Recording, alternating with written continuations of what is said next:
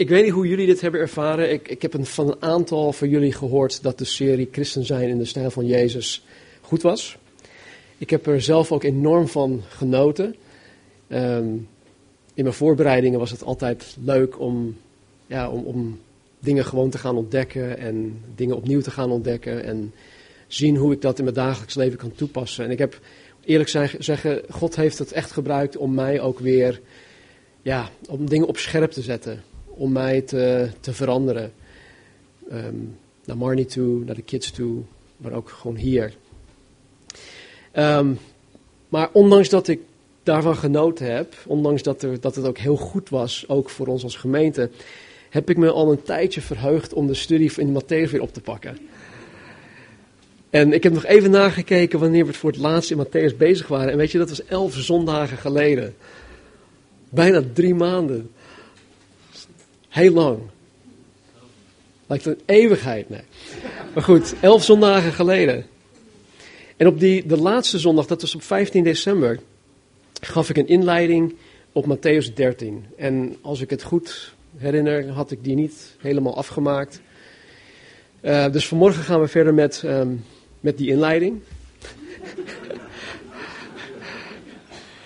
Vorige keer was het een inleiding op de in. Nee. Uh, ik, ik hou kort. Ik, ik, ik, we, we vieren heilig avondmaal, dus ik moet het sowieso kort houden. Maar we maken die inleiding af. En weet je, het is, het is een, een beknopte inleiding, want het, het heeft eigenlijk meer tijd nodig. Maar um, we gaan dat niet doen. Ik moet me echt terug, ik moet mezelf echt beteugelen om, uh, om dat niet te gaan doen. Um, nou, nogmaals, even om, om terug te blikken.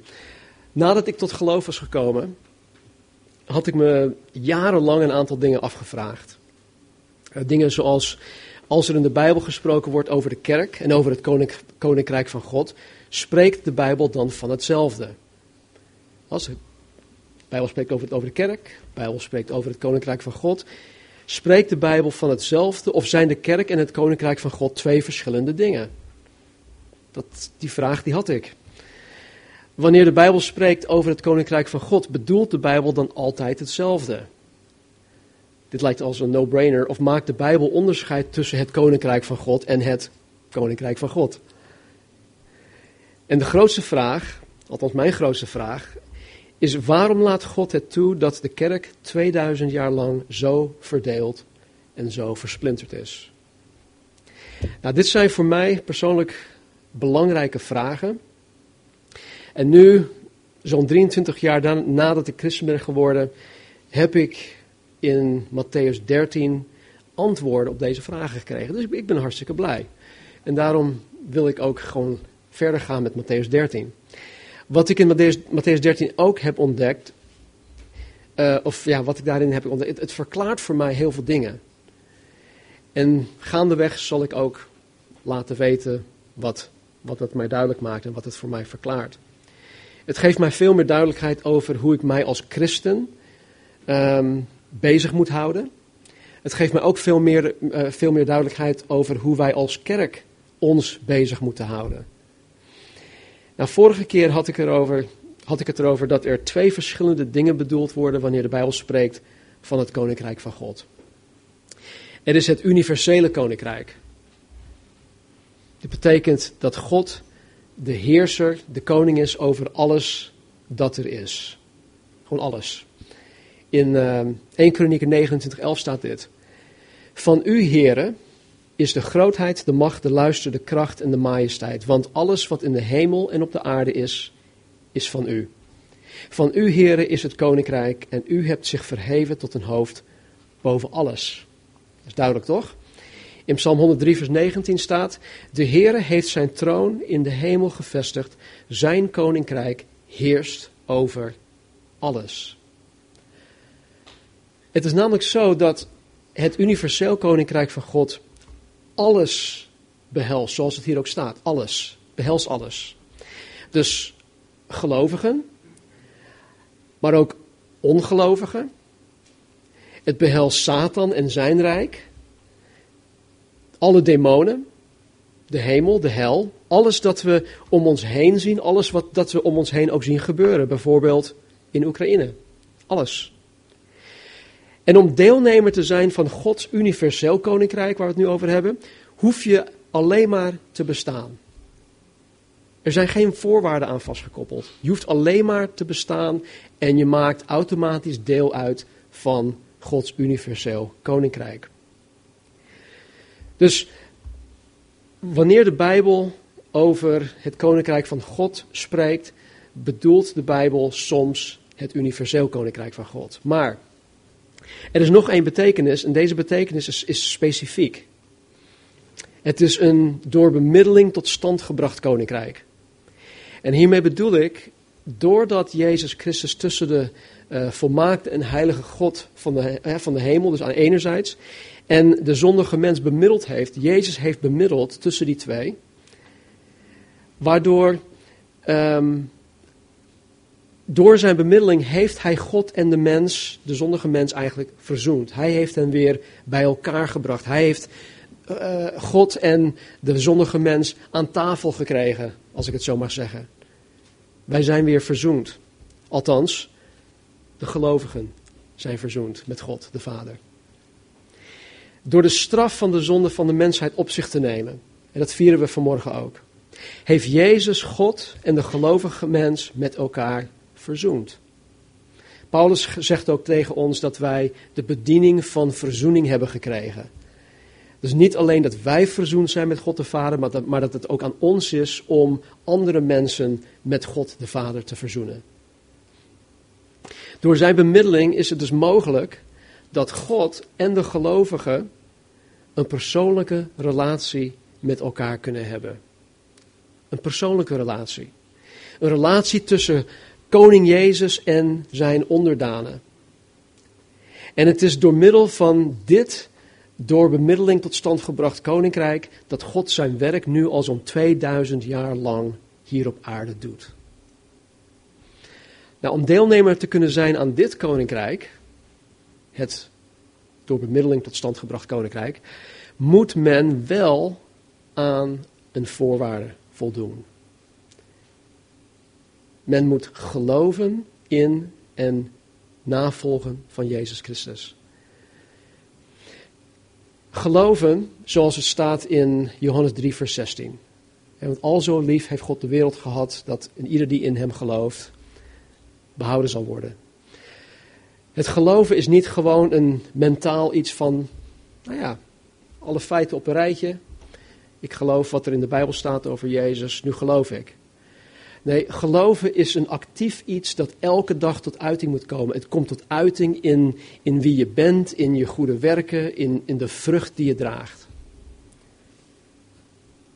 Echte christenen die tot wedergeboorte zijn gekomen, die dragen vrucht. Die doen het werk van Jezus. Um, dus zo'n persoon maakt deel uit van dit uh, door bemiddeling tot stand gebracht koninkrijk. En het is over dit koninkrijk waar Jezus dus in Matthäus hoofdstuk 13 spreekt. Dit door bemiddeling tot stand gebracht koninkrijk van God is wat de Bijbel hier in Matthäus 13, maar ook verderop in de brief van Paulus bijvoorbeeld, een geheimenis noemt. Het is een mysterie. Dat betekent dat um, tot het Nieuw Testament, totdat Jezus het geopenbaard had, er nooit over gesproken werd. Nergens in het Oude Testament staat dat de kerk dit zou gaan doen. In Zacharia, in hoofdstuk 12 en 13, zie je dat um, Zacharia profeteert over de eerste komst van Jezus. Vervolgens profeteert hij op over de wederkomst van Jezus. Maar hij zegt niks over de periode tussen de eerste en de tweede komst. En dat is juist het geheimenis. En dat maakt Jezus ons en zijn discipelen heel duidelijk. Dus wanneer de Bijbel spreekt over het koninkrijk van God, dan bedoelt de Bijbel op sommige plekken het universeel koninkrijk van God. Maar hier in Matthäus 13 bedoelt de Bijbel er de kerk mee. Dus laten we onze Bijbels openslaan op Matthäus hoofdstuk 13.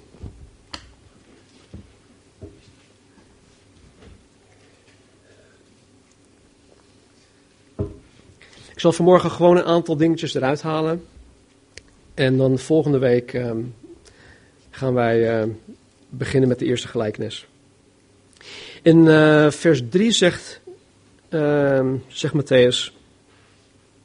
En hij, dus Jezus, sprak tot hen veel dingen door gelijkenissen. Jezus sprak tot hen veel dingen tot gelijkenissen. Even verder in vers 34 staat: Al deze dingen sprak Jezus tot de menigte door gelijkenissen. En zonder gelijkenis sprak hij tot hen niet. Jullie weten, of misschien zijn jullie het al vergeten. We weten dat uh, tot op dit moment sprak Jezus heel duidelijk. Hij sprak in duidelijke taal. Dus nadat het voor iedereen duidelijk was geworden dat het Joods volk en vooral de Joodse leiders Jezus en zijn koninkrijk had verworpen, verandert Jezus nu van, van um, ja, hij verandert zijn aanpak. Tot op het moment dat hij, um, dat het duidelijk werd dat hij verworpen werd door het Joods volk en vooral door de Joodse leiders, sprak hij in, in ja, zoals ik net ook zei, in duidelijke taal. Hij illustreerde hemelse waarheden die eigenlijk voor de mens niet te vatten zijn. Hij illustreerde ze op een hele prachtige en eenvoudige wijze, zodat de gewone mensen het konden begrijpen.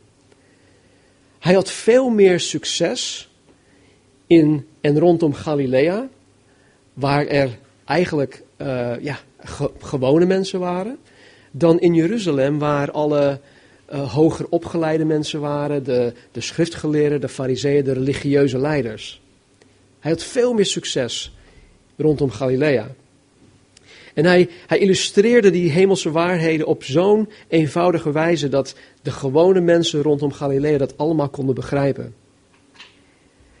Maar nu dat de Joodse leiders Jezus dus duidelijk verworpen hadden, sterker nog, zij wilden Jezus vermoorden, Vanaf dit moment begint Jezus in gelijkenissen te spreken. Oftewel, hij spreekt vanaf dit moment in raadsels. Nou, een gelijkenis is een geweldig middel om iets duidelijk te maken. Dat is één kant van de medaille. Jezus nam bijvoorbeeld de hoogverheven, hemelse waarheden en legde een voorbeeld uh, van het dagelijks of uit het dagelijks leven ernaast om die waarheden voor de gewone mens duidelijk te maken als, als jullie dit gelezen hebben, dan heeft hij het over een zaaier, hij heeft het over een veld, hij heeft het over een, een visser en een net en al dat soort dingen. Dingen waar de, waar, waarmee de mensen gewoon allemaal bekend waren.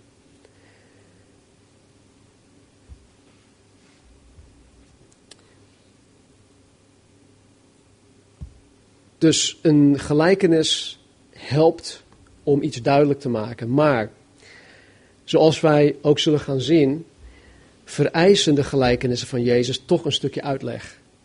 want tot een paar keer toe zien we in dit hoofdstuk ook dat Jezus een gelijkenis moest uitleggen.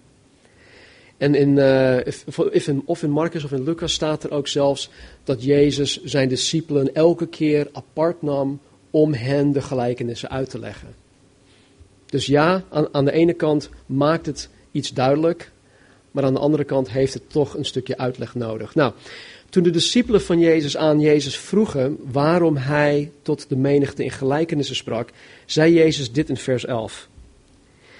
Jezus antwoordde en zei tegen hen, omdat het u gegeven is de geheimenissen van het koninkrijk der hemelen te kennen. Maar aan hen, aan de menigte, is het niet gegeven.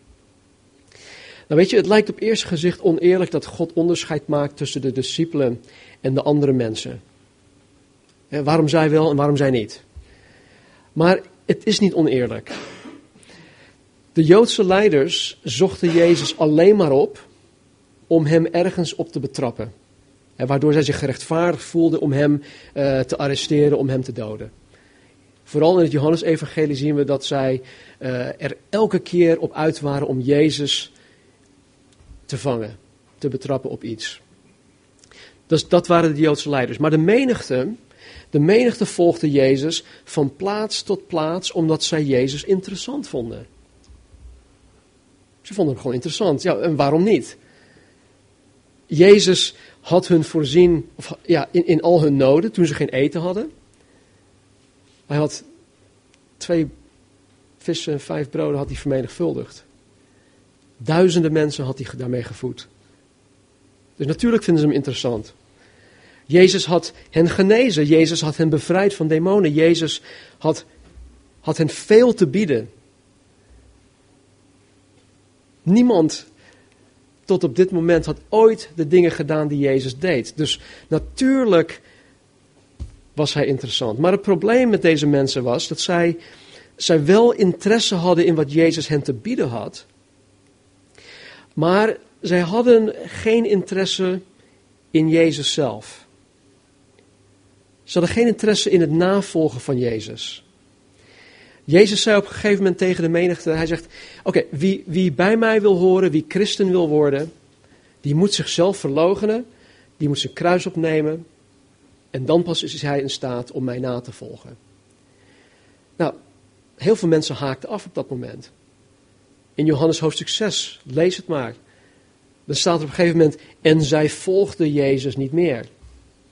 Dus heel veel van deze mensen waren uh, geïnteresseerd in Jezus omdat hij interessant was, maar ze waren niet zozeer geïnteresseerd in het navolgen van Jezus. Ze vonden het heel of wel goed dat Jezus hen zou verlossen. En wat zij voor ogen hadden was uh, dat Jezus hen zou verlossen van de Romeinse bezetting. Met andere woorden, zij wilden dat Jezus hen uit hun problemen hielp. En dat zo'n Jezus, die, die willen wij ook heel graag hebben. Een Jezus die al onze problemen oplost. Maar ze wilden zichzelf absoluut niet onderwerpen aan zijn heerschappij. Dat wilden ze niet. Ze verzetten zich daartegen. En weet je, zo is het vandaag de dag nog steeds. Er zijn mensen die zich hebben gevoegd aan de kerk, maar die alleen maar geïnteresseerd zijn in wat Jezus voor hen kan doen, wat Jezus voor hen kan betekenen. Ze zijn eigenlijk meer geïnteresseerd in de geschenken dan in de schenker zelf. En ze vinden het wel een geruststelling om dan gered te zijn. Maar ze willen zichzelf niet verloochenen, hun kruis opnemen en Jezus in alles, maar dan ook alles navolgen. Ze vinden het, wat, waar we het afgelopen donderdag ook uh, over gehad hebben, ze vinden het, het idee van een, een almachtige God die alles kan, dat idee uh, vinden ze geweldig. Hè, want die almachtige God is lekker ver weg. Maar als Jezus, als de grote ik ben, de persoonlijke God, met hen aan de slag wil gaan, als Jezus aan hun leven wil gaan sleutelen. Als Jezus zegt, hey, ik wil nu dat je, heel plat gezegd, met de billen bloot komt of gaat, hè, dan haken mensen af.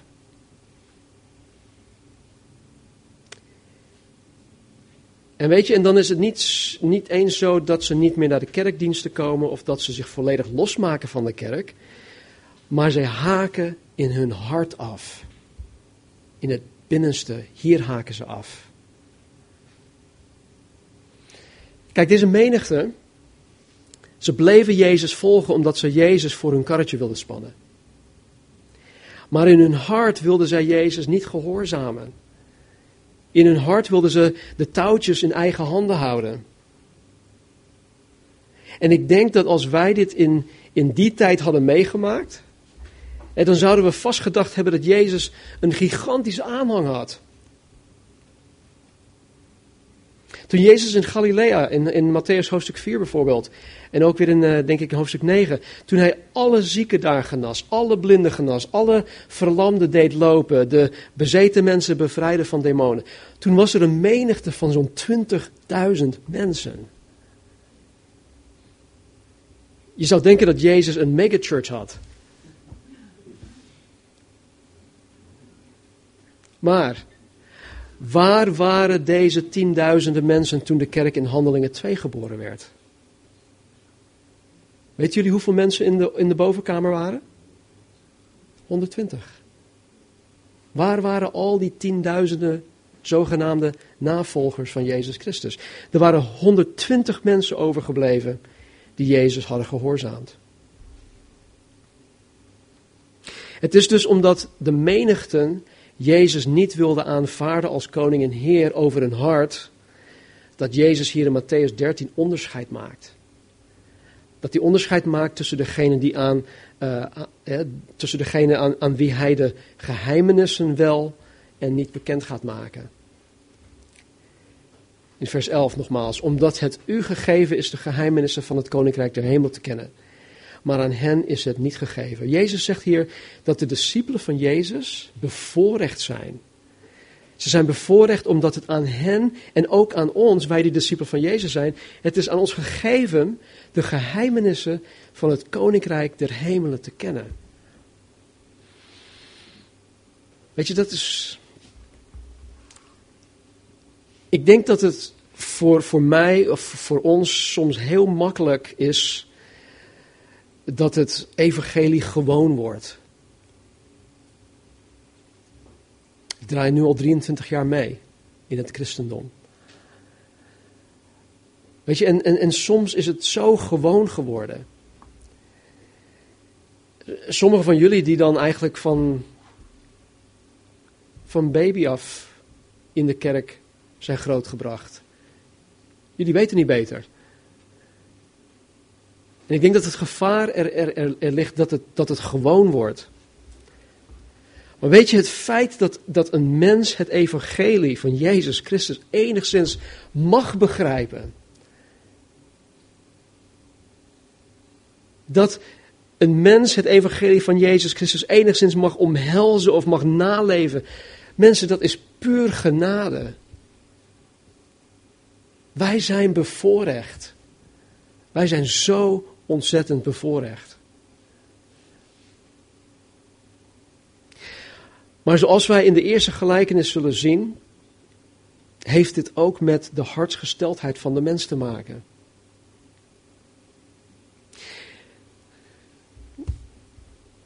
Nee, volgende week.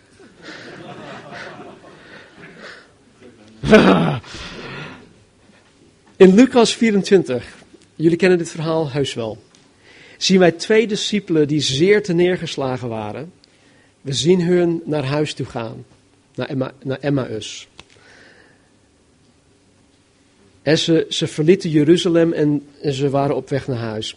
En ze waren neergeslagen omdat zij van harte hadden geloofd dat Jezus de Messias is. Ze hadden van harte geloofd dat Jezus hun Messias is. Maar omdat de overpriesters, overpriesters Jezus hadden vermoord, was al hun hoop ineens helemaal kwijt. En op een gegeven moment komt Jezus erbij. Ze waren aan de wandel, ze praten over alles wat er gebeurd was. Jezus komt erbij en Jezus raakt met hen in gesprek. En het doet alsof er, hij helemaal niet weet wat er gaande is. En zij vertelde Jezus wat er allemaal gebeurd was in de afgelopen dagen. En vervolgens begint Jezus hen uit te leggen dat alles dat gebeurd was, reeds in de Bijbel voorspeld was. En vanaf Mozes, door de profeten heen, tot aan het eind van het Oude Testament, begint Jezus uit te leggen wie hij is en dat er over hem geschreven werd. En nadat Jezus het hele evangelie had uitgelegd, staat er in vers 31 en 32 dat hun ogen geopend werden en dat hun hart brandend in hen was toen Jezus de schrift voor hen opende. Nou, hier heb je dus twee oprechte discipelen van Jezus, die Jezus na zijn opstanding uit de dood persoonlijk ontmoet. Hij is daar naartoe gegaan om die twee persoonlijk te ontmoeten om het evangelie aan hen duidelijk te maken. Aan hen was het gegeven om de geheimenissen van het koninkrijk der hemelen te kennen. Aan die twee. Kijk hoe persoonlijk God is. Dat God twee mannen, twee mensen opzoekt. Dat hij naar hen toe gaat. Om hen duidelijk te maken, om hen kennis te geven van de geheimenissen van het Koninkrijk der Hemelen. In Psalm 25, 14 staat dit. Vertrouwelijk gaat de Heere om met wie hem vrezen. Zijn verbond maakt hij hun bekend. God als het ware neemt ons in zijn binnenkamer en zegt: Weet je wat? Ik wil jou een aantal geheimen vertellen. Over wie ik ben, over mijn verbond met, met jou. Ik wil jou laten zien wat ik allemaal aan het doen ben. Zo vertrouwelijk gaat God om met mensen die Hem vrezen. En niet vrezen in de zin dat je bang bent van Hem of dat, dat je echt ja, schrikt als je, als je merkt van, oh God. Nee, maar het is een gezonde vrees. Het is, het is, een, een, eh, het is ontzag voor Hem hebben, respect voor Hem hebben. Ja, vrees in de zin van, oh, maar hij, hij kan mij, op elk moment kan hij mij zomaar teniet doen. En dat is ook goed om te, om te beseffen. Maar hij gaat vertrouwelijk om met wie hem vrezen. In Spreuken 3, 3, uh, in Spreuken 3 vers 32 staat, met de oprechte gaat God vertrouwelijk om. Met de oprechte, oftewel met degenen die hem gehoorzamen. Degenen die naar hem luisteren, degenen die hem gehoorzamen, met die mensen gaat God vertrouwelijk om. Weet je, als je jezelf afvraagt waarom de een, één christen wel veel dingen van God te weten krijgt en jij niet, of een ander niet, dan geloof ik niet dat het aan God ligt. We zullen volgende week ook zien dat wanneer de zaaier zaait, het zaad dat gezaaid wordt precies hetzelfde is. Er zijn vier verschillende stukken grond waarop de het zaad landt. Maar er staat niet dat uh, op dit stukje grond dat hij slechte zaad zaait en in de goede aarde het allerbeste zaad zaait. Nee, het zaad is hetzelfde. Maar het gaat om het hart. De grond waar hij het over heeft, vertegenwoordigt het hart van de mens. En het hart bepaalt wat er met dat zaad gebeurt. Dus als je afvraagt waarom God niet tot jou spreekt of waarom God niet vertrouwelijk met jou omgaat, dan ligt het niet aan God. En ik wil niet zeggen dat, dat jij zo slecht bent dat God het niet aan jou toe, toe kan vertrouwen, maar er zit iets in de weg. En, je, en ik, ja, ik, ik moet mezelf continu onderzoeken van Heer, wat staat er, wat staat u in de weg om tot mij te kunnen spreken? En God zal het altijd laten zien. Ik heb die vraag nog nooit gesteld. En dat God zegt van, nee, maar dat, dat zeg ik lekker niet. Hij laat het me altijd weten. Soms is het vanuit zijn woord, soms is het van, door, door mevrouw Marnie heen, soms is het door andere mensen heen. Maar God zal het altijd laten weten wat hem in de weg staat. Want hij wil vertrouwelijk met ons omgaan. Hij wil dat. Jezus zal zichzelf, het evangelie, het woord van God, de Bijbel, bekendmaken aan allen wiens hart volkomen oprecht naar God is. Naar God toe is. Hij wil het, hij wil het echt. Aan God ligt het echt niet. In 2 Kronieken 16:9 staat dit. De ogen van de Heere en dan is het Heere, de grote ik ben de Heere, niet de almachtige God, maar de Heere, de persoonlijke God. De ogen van de persoonlijke God trekken over de hele aarde om zich sterk te bewijzen aan hen van wie het hart volkomen is met Hem. God wil zo graag, Hij wil zich zichzelf sterk bewijzen aan, aan ons.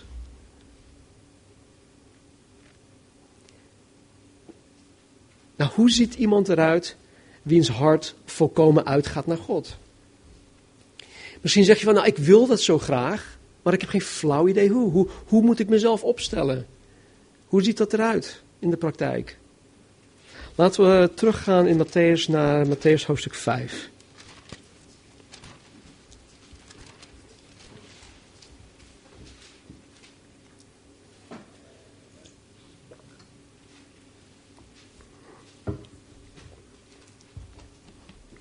Dit is een profielschets van iemand wiens hart volkomen met God is. Of van iemand wiens hart volkomen uitgaat naar God. Hoofdstuk 5, vers 1. Toen Jezus de menigte zag, ging hij de berg op. En nadat hij was gaan zitten, kwamen zijn discipelen bij hem.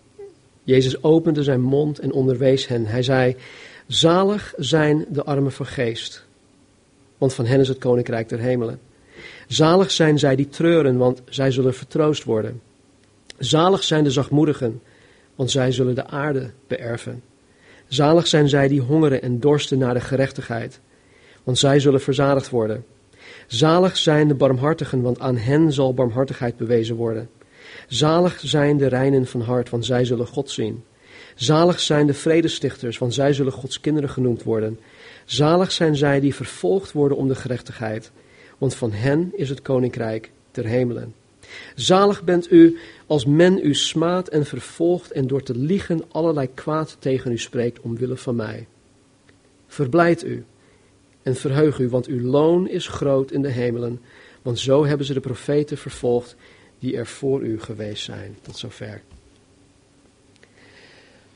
Nou, we hebben deze zaligsprekingen maanden geleden grondig behandeld. Ik denk dat we elke zondag een zaligspreking hebben behandeld. Dus mocht je je daarin willen verdiepen, ze staan op, uh, op de website. Nou, voor iemand met deze hartsgesteldheid, en dit is echt zo, voor zo'n persoon gaat de hemel voor hem of haar open. De hemel gaat open voor hem, voor haar. Ik las van de week een, uh, een citaat van Charles Spurgeon. En ik had het ja, vanuit het Engels vertaald, maar het, ik denk dat het, dat het zo, zo klinkt. Geloof brengt je ziel in de hemel. Ja, geloof brengt je ziel in de hemel. Een groot geloof brengt de hemel in je ziel. Weet je, dat vind ik zo mooi. Het allerkleinste geloof in Jezus Christus zal je redden. Maar als je wil dat de hemel voor je open gaat, als je wil dat God vertrouwelijk met jou omgaat, als je wil dat, dat, ja, dat de geheimenissen jou bekend gemaakt worden, dan geloof ik dat je een hartsgesteldheid moet hebben zoals wat Jezus ook in de bergreden, Matthäus hoofdstuk 5, 1 tot 12, voorschrijft. Ben je ervan doordrongen dat de kennis die jou door God gegeven is, kostbaarder is dan het leven zelf? Weet je, als je hierop mediteert, als je erbij stilstaat, als je straks naar huis toe gaat en als je even een moment voor jezelf neemt en, en, en, en, en erover nadenkt dat, dat God jouw verstand, jouw ogen, jouw hart geopend heeft voor de waarheid. Mensen, ik voel me dan zo bijzonder dat God mij waardig acht om met vertrouwen met mij om te gaan, om vertrouwelijk met mij om te gaan. Staatshoofden. Daar gaat God niet eens vertrouwelijk mee om. Maar met mij. Een nietig Indisch mannetje.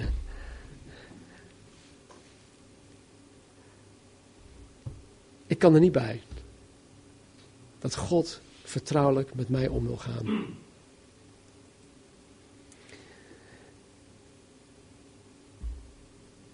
Weet je, als je ervan doordrongen bent dat de kennis die jou door God gegeven is echt kostbaarder is dan, dan het leven zelf, laat het dan in alles tot uiting komen in dankbaarheid. Dat is echt, denk ik, de, de zuiverste vorm van aanbidding. Het is een respons vanuit je hart naar God. Oh Heer, ik kan er niet bij. Ik kan echt niet geloven dat u van mij houdt. Dat u vertrouwelijk met mij om wil gaan. Als je daar niet van doordrongen bent, bid dat God je hart vanmorgen zal openen. Dat God je ogen zal openen. Dat God je verstand zal openen. Dat God je hart zal gaan verzachten. Dan gaat de hemel voor je open. Oké, volgende week. De gelijkenis van de zaaier. Het is zo mooi. Laten we bidden. Vader, dank u wel, Heer, dat wij een aantal dingetjes hebben mogen plukken vanuit Matthäus hoofdstuk 13. Heer, ik zie uit naar volgende week en de komende weken, Heer, dat wij ons gaan verdiepen in uw gelijkenissen. Dank u wel, Heer, dat u mijn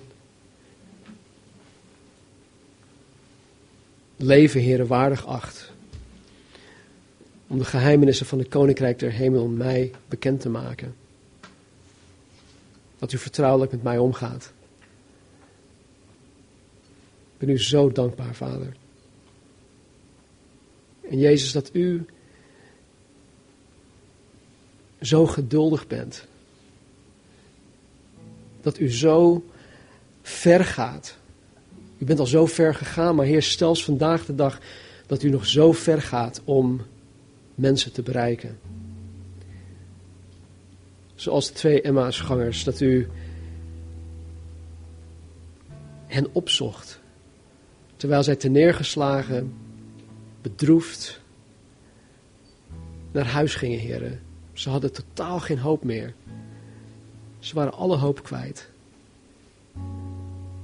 Maar Heer, u bent de God die de harten van mensen kent. U doorgrondt onze harten. En u zag in deze twee Emmausgangers dat hun hart volkomen naar u toe ging. Of volkomen naar u uitging, Heer. Dus u kwam hen tegemoet. U zocht hen op.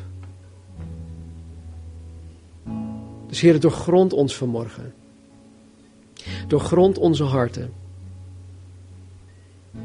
Zoek, Heer, met uw licht door de diepste, donkerste schuilhoeken, heren, van onze harten. En schijn, heren, met uw licht. Vooral, heren, in die plekken die wij zo graag verborgen willen houden.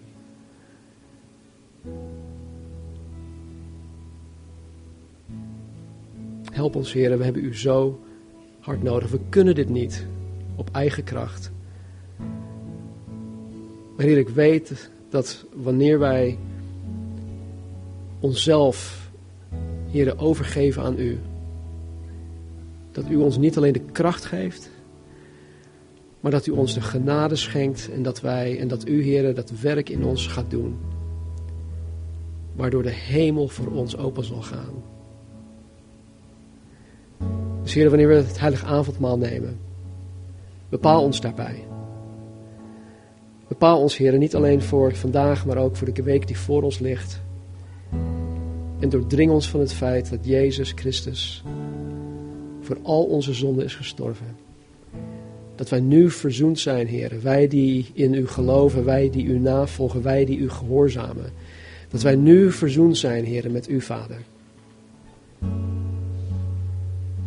En dat wij een persoonlijke relatie met de grote Ik Ben hebben.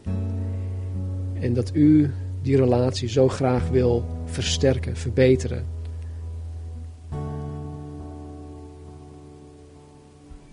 Kom ons tegemoet, Vader. In Jezus' naam. Amen. Wij gaan uh,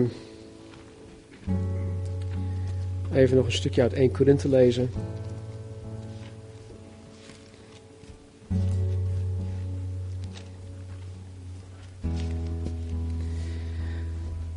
...1 Korinthe 11 vanaf vers 23. En dit vind ik zo mooi. De apostel Paulus zegt hier: Want ik heb van de Here ontvangen wat ik u ook heb overgeleverd. Hierin zie ik alleen in, deze eerste zin al dat God, dat Jezus, Paulus um, de kennis had gegeven. De geheimenissen van het koninkrijk der hemelen. Hij beaamt, ik heb het van de Heere ontvangen. Wat ik u ook heb overgeleverd, dat de Heer Jezus in de nacht waarin hij werd verraden, brood nam. En nadat hij gedankt had, brak hij het en zei: Neem, eet, dit is mijn lichaam dat voor u gebroken wordt. Doe dat tot mijn gedachtenis. Evenzo nam hij de, ook de drinkbeker na het gebruiken van de maaltijd en zei: Deze drinkbeker is het nieuwe verbond in mijn bloed. Doe dat, zo dikwijls als u die drinkt, tot mijn gedachtenis. Want zo dikwijls als u dit brood eet en deze drinkbeker drinkt, verkondigt de dood van de Heere totdat hij komt.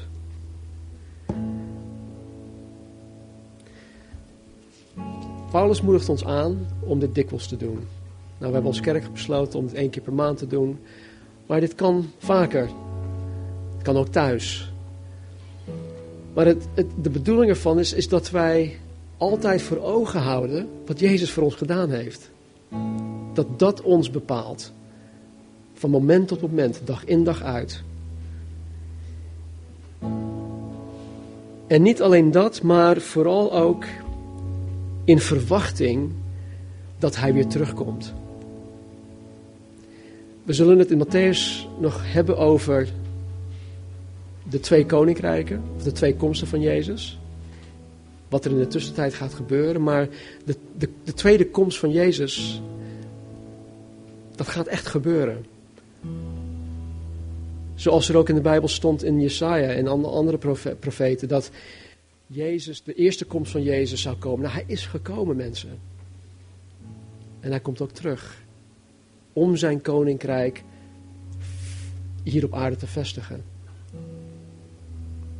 Maar daarvoor zal er nog een moment komen dat hij de gemeente opneemt, wegrukt. En dat, dat kan elk moment gebeuren. Profetisch gezien hoort er niets meer te gebeuren voordat dat gebeurt. Het kan elk moment gebeuren. Dus doe dat met die verwachting. Ik zou zeggen, terwijl Rudolf en Stanley ons leiden in zang, neem even de tijd vanuit je eigen plek om met God te praten. Misschien op je zonde te beleiden. En wanneer je er klaar voor bent, neem gerust uh, het heilige avondmaal. En vervolgens gaan we nog een aantal liederen met elkaar zingen. En dan gaan we straks nog genieten van uh, de creativiteit van onze mensen. De kookkunst van onze mensen. Ja?